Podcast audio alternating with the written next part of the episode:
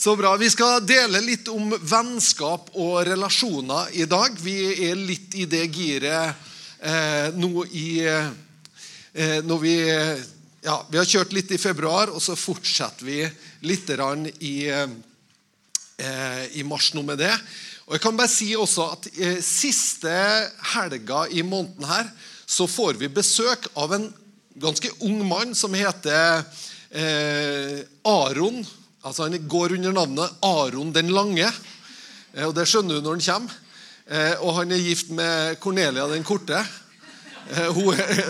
Eh, så det er liksom det, Der har du gap. Men Aron Uno Larsen, han, Larsson han er, har vært en av ungdomslederne i Jesus Church og vært, vært en sentral skikkelse her. Underviser på TBBMI og i Jesus Revolution. Og han har Eh, når han underviser der, så har han noe knallbra og veldig sånn eh, øyeåpnende når det gjelder det med renhet i relasjoner, det med seksualitet, pornografi og, og sånne ting. Så vi er så privilegert som får lov å ha han her hos oss.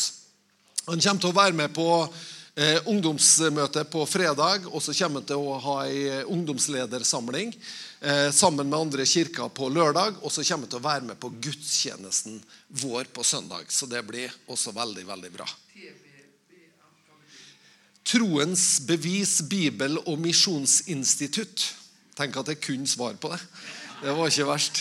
Det er en bibelskole. Det er altså den som tidligere lå i Saronsdal. Men bare si det, og så Ja, veldig bra. Så vi er inne i det giret, og det tror jeg er veldig godt, fordi at eh, relasjoner er vi ganske avhengige av, alle mann. Eh, hadde det ikke vært for relasjoner, så har vi faktisk dødd. Eh, rett og slett. Når, eh, når vi fødes til verden, så er vi avhengige av at noen ser oss, noen speiler oss, noen er der for oss. I det første leveåret utvikler en barnehjerne, en babyhjerne, seg fra ca. 600 gram til 1,3 kilo.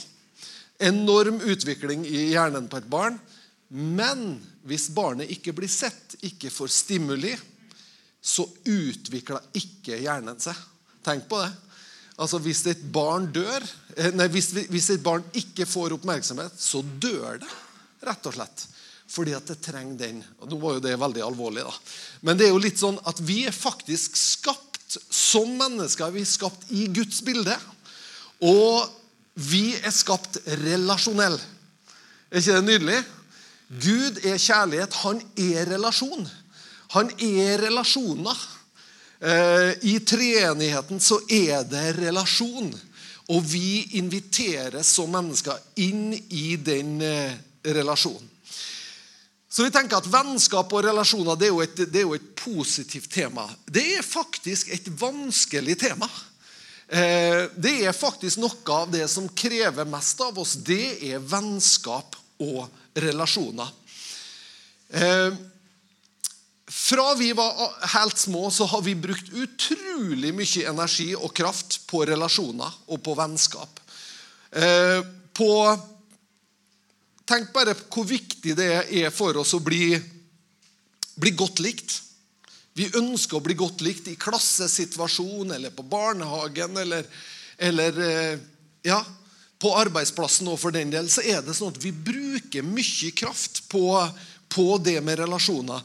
Og Jeg vet ikke om du, det er sånn med, med, det, men jeg husker at når jeg gikk Jeg husker jo ikke sjøl, men jeg husker jo fordi at bestefar min har fortalt det til meg. Og når jeg gikk i barnehagen, så hadde jeg en kompis som heter Per. Og så var det noen gutter som var litt større enn oss som var, var slem enn Per i barnehagen akkurat når bestefar skulle hente meg på barnehagen. Og når jeg så det, så tok jeg rennfart og sprang ned de to guttene som var slemme med kompisen min. Fordi at han Per han var jo fantastisk for meg. ikke sant? Og da var det litt sånn at den relasjonen det betydde så mye at da var jeg villig. Og jeg vet ikke om du noen gang om du har hatt et søskenbarn eller noen du, du liksom, du bare Sommerferien Ja, da skal jeg treffe søskenbarnet mitt. da skal jeg treffe liksom, Eller venner. eller sånn. Så har man noen sånne historier der man bare vet at å, jeg kan glede meg i lang tid. over å skulle møte noen. Se fram imot å skulle møte noen. Jeg har en kompis som bor i Tyskland. Han heter Daniel. Og jeg gleder meg Hver gang jeg skal treffe en Daniel, så gleder jeg meg. Og så vet jeg ute i mars nå, litt ute i mars, eh, den, eh, rundt den 20. mars, så skal og Daniel til Frankrike og ha en kampanje litt utafor Paris. Skal vi preke evangeliet i Frankrike. Og det er jo artig å preke evangeliet, men å treffe en Daniel, da Hæ? Fantastisk. Så det, blir, det, det kan godt være med å be for det. Men sånn er vi. Eh, og vi er avhengig av bekreftelse av andre. Vi er avhengig av andre mennesker sin bekreftelse for å bygge et eh, godt og positivt sjølbilde. Så det er altså, og, og, Grunnen til at jeg sier det her litt, det, det er på en måte at Eh, så kan jo du si til meg at ja, nei, men alle mine kilder er i Gud. Og så kan vi liksom si at nei, jeg har ikke behov for Nei da, jeg klarer meg med, med, med Gud. det, så, så, bekrefter han meg. Og, sånn og det er viktig, og det er sant. Men Gud skjønner, han har skapt det. Og han har skapt de neste. Og han har skapt det sånn at vi må leve i et samspill med hverandre. Sånn at Uten dine medmennesker så kan du heller ikke oppleve Gud fullt ut.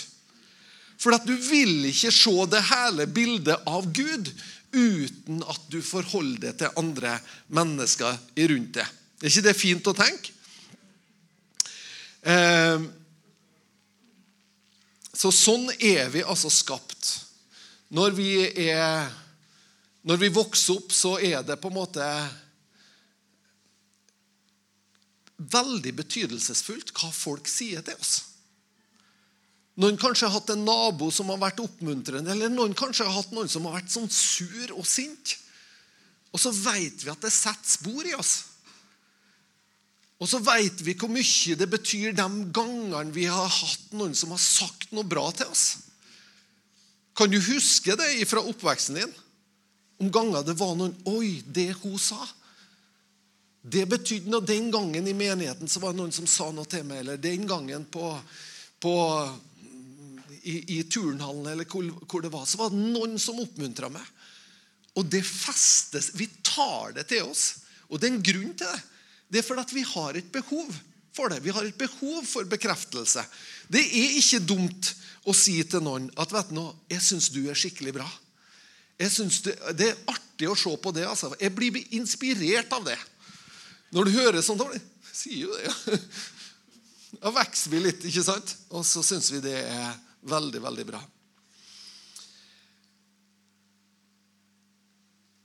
Men om vi søker andres bekreftelse og går ut over oss sjøl og vår egen integritet, så blir det uheldig.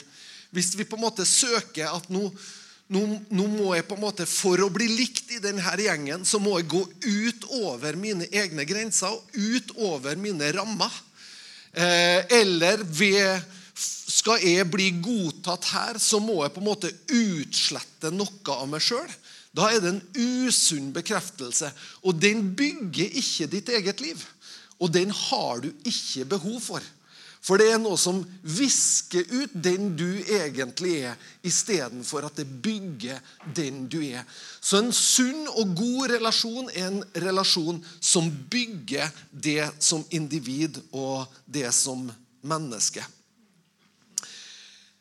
Eh, jeg tenker altså at mange ganger så så er det lett for oss mennesker at vi bare ender opp som en bleik kopi av oss sjøl eller av noen andre. Vi, vi blir aldri riktig oss sjøl fordi at alle andre har prega oss så mye. Og så er det jo veldig festlig å se på ungdommer. Det er superfestlig. Altså. For ungdommer de vil gjøre som de sjøl vil. vet du. Sant? Og når to jenter kommer med likens bukse og likens jakke og er sminka likens og håret akkurat likens, så syns jeg at det er litt festlig òg.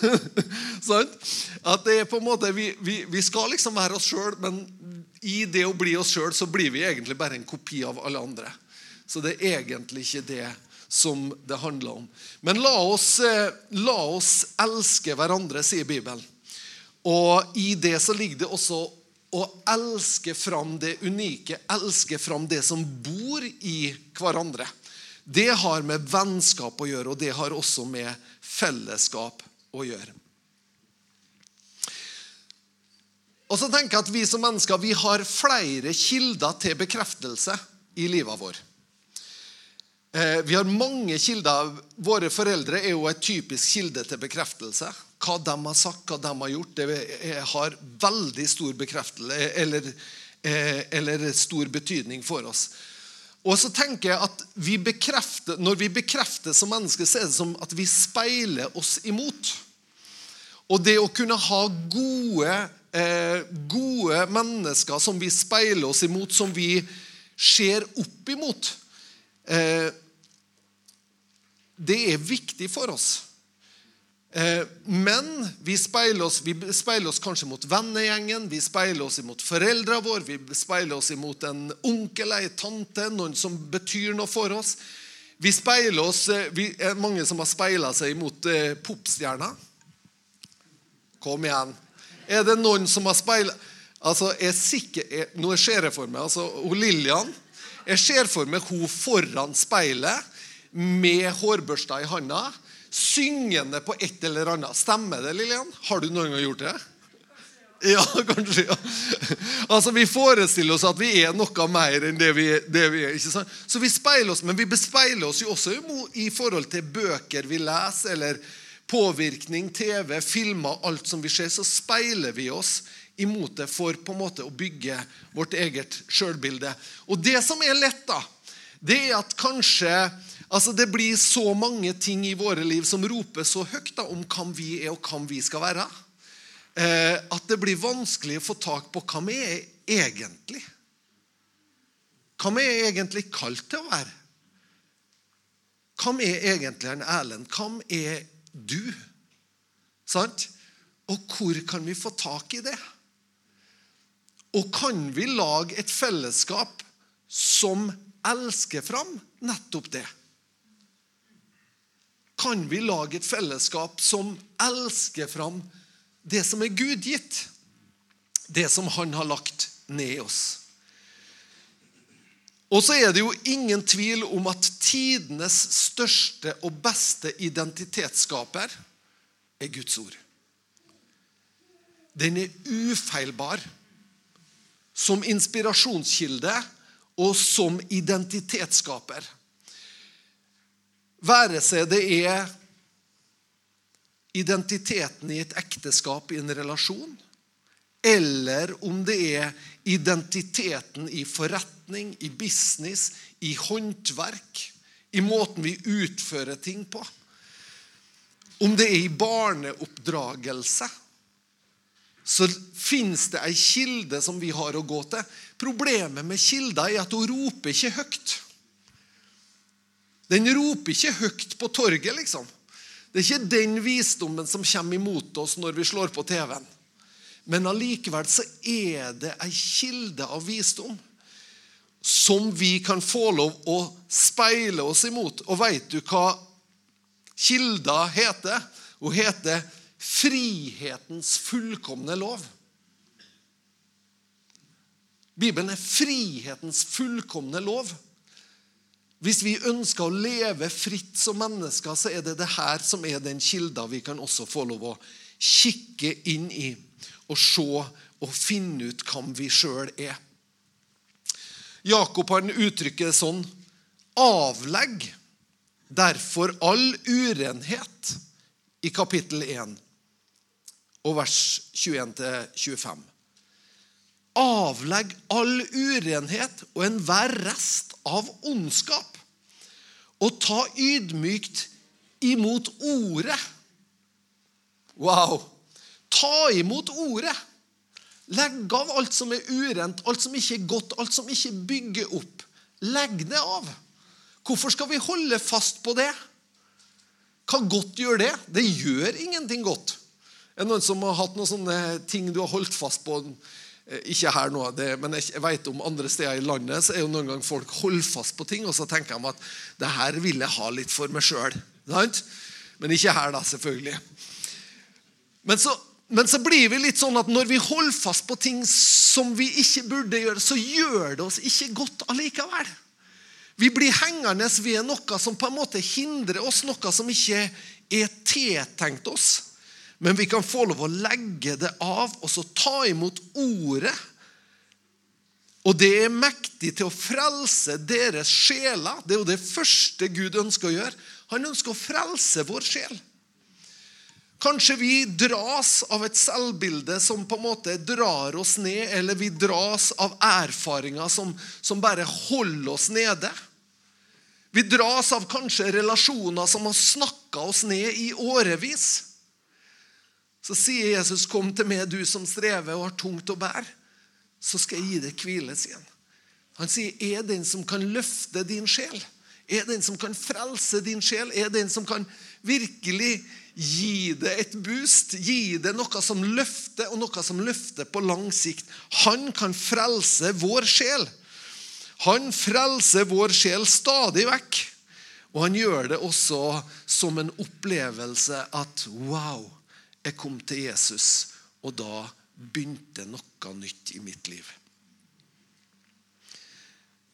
Og hva er da nøkkelen? Jo, da står det videre. Vær en ordets gjører ikke bare dets hører. Ellers vil dere bedra dere selv.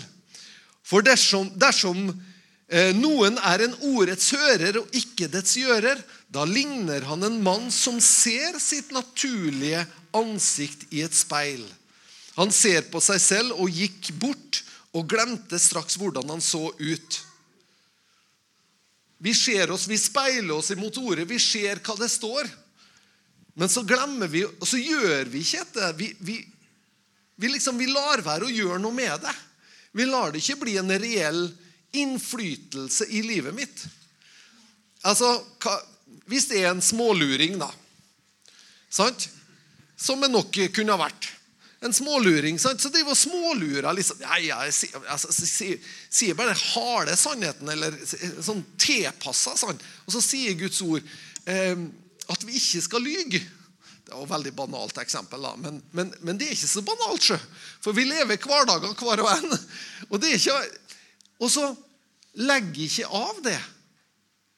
Som faktisk, Da blir det sånn at ja, men da lar jeg jo ikke det her speilbildet bli en realitet i mitt liv. For det står at vi kan bli forvandla til det samme bildet. står det. Vi blir forvandla til det samme bildet. Og da står det at vi går ifra herlighet til herlighet. Ifra kraft til kraft. Gjør det ikke? Ok, Så vi må se, og vi må ta det til oss, og så må vi gjøre noe med det, sånn at vi blir forvandla. Men den som skuer inn i frihetens fullkomne lov, og fortsetter med det Dette er kjempetips. Slik at den ikke blir en glemsom hører, men en gjerningenes gjører. Han skal være salig i sin gjerning. Salig, det er positivt, altså. Når Bibelen sier salig, da, da mener en salig. Det betyr rikt velsigna. Da skal du være velsigna. Du skal være salig i alt du gjør. Hæ? Fantastisk å være salig i alt du gjør. Det er, det er bra målsetning. Jesus eh, sier i, eh, i Johannes 8, 31 og 32, så sier han at eh, Dersom dere blir i mitt ord, da er dere i sannhet mine disipler, og dere skal kjenne sannheten, og sannheten skal frigjøre dere. Så ordet er her for å sette oss fri for å åpne opp livet for oss. For å gi oss mulighetene. Og hvorfor er det viktig? Jo, vet du nå, du trenger denne inspirasjonskilden for ditt liv. For å bygge ditt liv. Fordi at hvordan du ser på deg sjøl, det danner grunnlaget for alle relasjoner som du er i.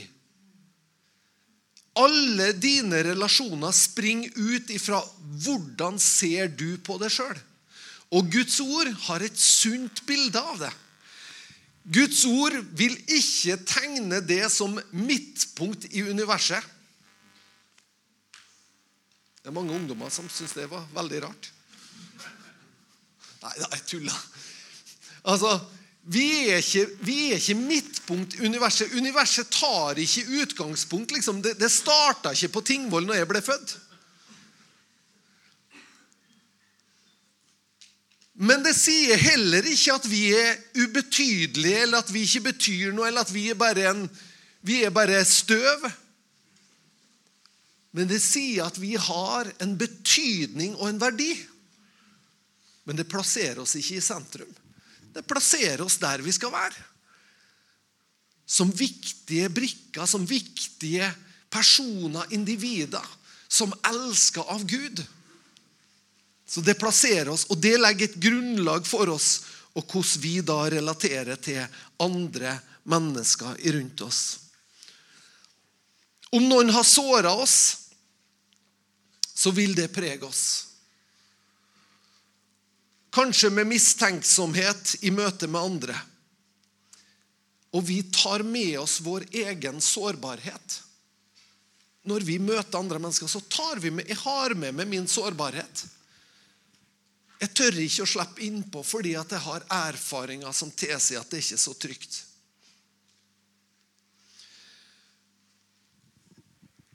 Jesus I hvert fall når jeg leser ordspråkene, så, så les, når jeg leser om visdommen i ordspråkene, så bruker jeg å tenke på Jesus. For det står at han var med liksom, når Gud skapte alt, så var visdommen med. står det. Og så står det så fint i, eh, i kapittel 8, vers 31 Jeg fryder meg. Jeg frydet meg i hele hans vide jord, og min lyst hadde jeg i menneskenes barn. Visdommen, eller Gud, Jesus, han eh, fryda seg over alt som Gud hadde skapt, men sin lyst hadde han i menneskenes barn. Hvorfor? Jo, for det var mennesker. Det var der det fantes relasjon. Det var der det fantes mulighet til en forståelse, til en kommunikasjon. Til å kunne innlede noe. Og det var sånn når Gud skapte. Så var det sånn at Jesus han hadde sin lyst i altså Alt var fantastisk, alt var veldig bra. ikke sant? Men det han virkelig så fram til, det var å treffe mennesker. Det å møte mennesker, det var wow! Det gleder jeg meg til. Det syns jeg er herlig. Og det er jo nettopp derfor at du og jeg var dem som ble skapt i hans bilde. For relasjon. For fellesskapet. Og så ser vi også at relasjon er, relasjoner er så sårbare. Og vi ser det første som skjer i Edens hage. Det går rett på relasjon. Når Adam og Eva spiser av frukten av treet som gir kunnskap om godt og ondt. Og så er konsekvensene, som det står i 3, vers 8 og 9. Og da de hørte Herren, Gud, da han kom vandrende i hagen, da dagen var blitt sval, og Adam og hans hustru skjulte seg for Herren, Guds åsyn mellom trærne i hagen. Da kalte Herren Gud på Adam og sa til ham, 'Hvor er du?' Hvor er du? Og siden det så har på en måte det akkurat det her utsagnet Det har liksom bare klinga gjennom historien. Adam eller menneske. Hvor er du? Hvor er du hen i forhold til den relasjonen jeg har skapt deg til? Adam, hvor er du? Hvor er livet ditt? Hvor er du? Og så tenker vi ja, men ja, jeg har jo blitt en kristne. Ja, men han roper fortsatt. Erlend, hvor er du nå? Jeg vil være sammen med deg. Hvor er du? Trine. Hvor er du? Gjertrud. Hvor er du, Hans? Hvor er du? Sant? Hvor er du, Mehmed? Hvor er du? Fantastisk, for Gud kaller alle mennesker til fellesskap. Og han ønsker at fellesskapet med hans skal få lov å være utgangspunktet for fellesskapet med alle andre. Synden er et direkte angrep på relasjon. Og den går begge veier. Synden den ødelegger relasjonen begge veier. Det er ikke bare synderen som opplever at relasjonen ble angrepet. Adam og Eva de følte skam og gikk og gjemte seg. Gud på sin side han følte savn, for han fant dem ikke der de brukte og møttes. Så syndens konsekvenser går direkte inn imot relasjonen. Det samme ser vi med Kain. Etter at han har tatt livet av bror sin, så står det at han slo øyet ned. Og et øye som er nedslått, det er et øye som ikke er åpent for relasjon. Et åpent blikk er åpent for relasjoner. er det ikke sånn? Når noen går og er åpen i blikket, da inviterer man til at hvis noen vil si hei, så er det greit. Men slår man blikket ned, så er det noe som er lukka, og noe som ikke innbyr til relasjon. Vi trenger hverandre. I kirka vår så trenger vi hverandre. Vi trenger hverandre. Vet du hva det står i ordspråkene en annen plass? Så står det at eh, du skal ikke svikte din venn eller din fars venn.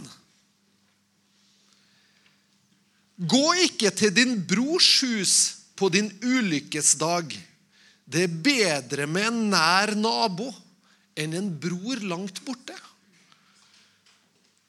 Er ikke det et spesielt ord? Det er bedre med en nær nabo enn en bror som er langt borte. Det sier noe om at vi bør ha såpass relasjonskompetanse at vi kan bygge nære vennskap med folk rundt oss. Dette er ikke til forkleinelse for din bror som bor langt borte. Det er ikke liksom at han er dårlig. Men vi bør på en måte rigge oss sånn i livet at vi har nære, nære venner. At vi har folk rundt oss som vi kan gå til når vi har behov. At vi ikke liksom rigger oss sånn da i livet at på en måte, her er, jeg har ingen å gå til. Jeg har ingen jeg kan gå til med det her. Jeg må reise til min bror, liksom. Skjønner jeg?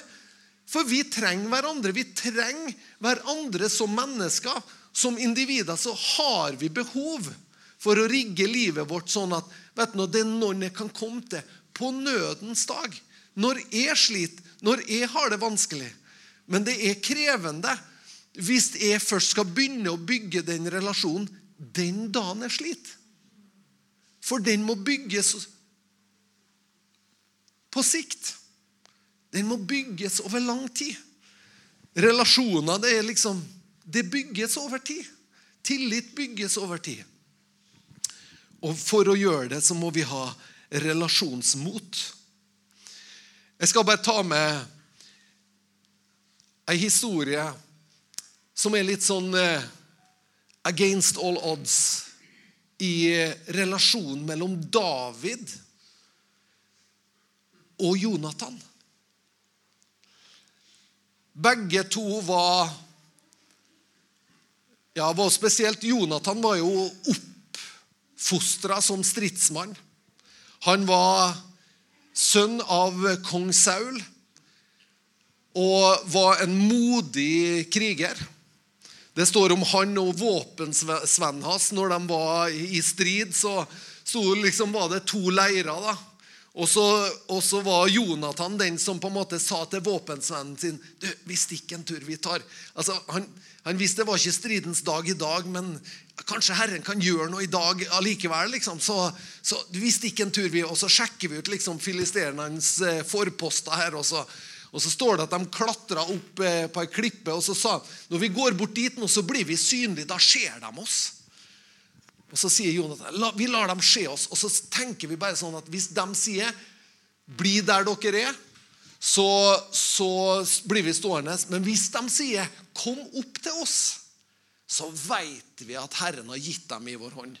Det er klart at og, da, og så står det beskrevet altså Det er jo litt sånn, det er jo ikke så ja, Men det står beskrevet at de klatra opp. da. Og så, og så var det Jonathan Giant Killer altså, som var på gang. da. Det er jo bare å si det som det var. Eh, men da, og En sånn type var Jonathan. Han var modig, men samtidig så, så var han en, en, fin fyr. For han var, han var, en stridsmann, men samtidig så var han en, et, et, menneske med følelser. Og etter at, eh, at David, da, som var en gjeter, som ikke var opptrent til det her kom og tok, eh, tok eh, Goliat, så står det at etter det så står det at Jonathans sjel ble knytta til David. Er ikke det fint? Så det, var, det, ble et vennskap, og det ble et vennskap som gjennom tida ble prøvd på så mange måter. Jonathan han måtte til og med være illojal imot sin egen far. For hans egen far han planla å drepe David. Men så var det noe i Jonathan som gjorde at det klarte ikke han å være en del av. Så åpninga til dette vennskapet høres sånn ut. Etter Davids samtale med Saul ble Jonathans sjel knytta til Davids sjel. Jonathan fikk han kjær som sitt eget liv. Samme dag tok Saul han til seg, og han lot han ikke mer få vende tilbake til sin fars hus. Og Jonathan gjorde en pakt med David fordi han hadde han kjær som sitt eget liv. Jonathan tok av seg eh, den ytterkappen han hadde på og ga den til David. Likeså krigsklærne sine, ja, og sverdet og buen og beltet. Alt det ga Jonathan over til David. Og hvis du tenker da, Tenk deg styrken i dette vennskapet. da, Når Jonathan er naturlig arving til kongetrona og David er den utenforstående som kommer inn og truer kongetrona. Allikevel så betydde vennskap mer for Jonathan enn kongetittelen. Så det vitner om et sterkt vennskap. Sant? Sterke vennskap våger. Og så sier Jesus Jeg kaller dere ikke lenger tjenere, men venner. Jeg kaller dere ikke lenger tjenere, men jeg kaller dere venner. Jesus kaller oss inn til vennskap med seg. Fortrolig vennskap med seg. Han ønsker å være knytta til din sjel. Som den nærmeste venn. Som den som du kan med dine innerste sukk kan komme til. Med din glede, med din takknemlighet, med alt du bærer på i livet ditt, så ønsker Jesus å være din venn. Og han ønsker å kalle det for sin venn. Det inviterer han oss til. Er ikke det nydelig? Han inviterer oss til vennskap. Mm. Noen av oss har tatt imot vennskapet for lenge siden. For andre er det nytt. sant? Men vi får lov å inviteres inn. Mm. Og det som skjer når vi blir venn med Jesus det at det er så mye i våre liv som kommer på plass. Som gjør at vi kan begynne å jobbe med andre relasjoner på en helt ny måte. På en helt annen måte. Men den viktigste relasjonen for oss mennesker, det er relasjonen til Jesus. For når den kommer på plass, så åpnes livet på en ny måte. Tilnærminga til mennesker som har såra oss, skuffa oss, ser helt annerledes ut når Jesus har fått lov å komme inn og berørt oss først, for han ønsker å gjøre det. Kanskje er noen her i dag også som tenker at vet du noe, jeg skulle ha invitert Jesus til å bli min venn. Jeg har lyst til at vi skal ta den tida nå. Og så bare bøyer vi, eller lukker øynene våre og bøyer hodene våre. Og så ber vi denne enkle bønna. Jesus, kom og bli min venn. Jeg tar imot ditt vennskap, og jeg tar imot din invitasjon til fellesskap.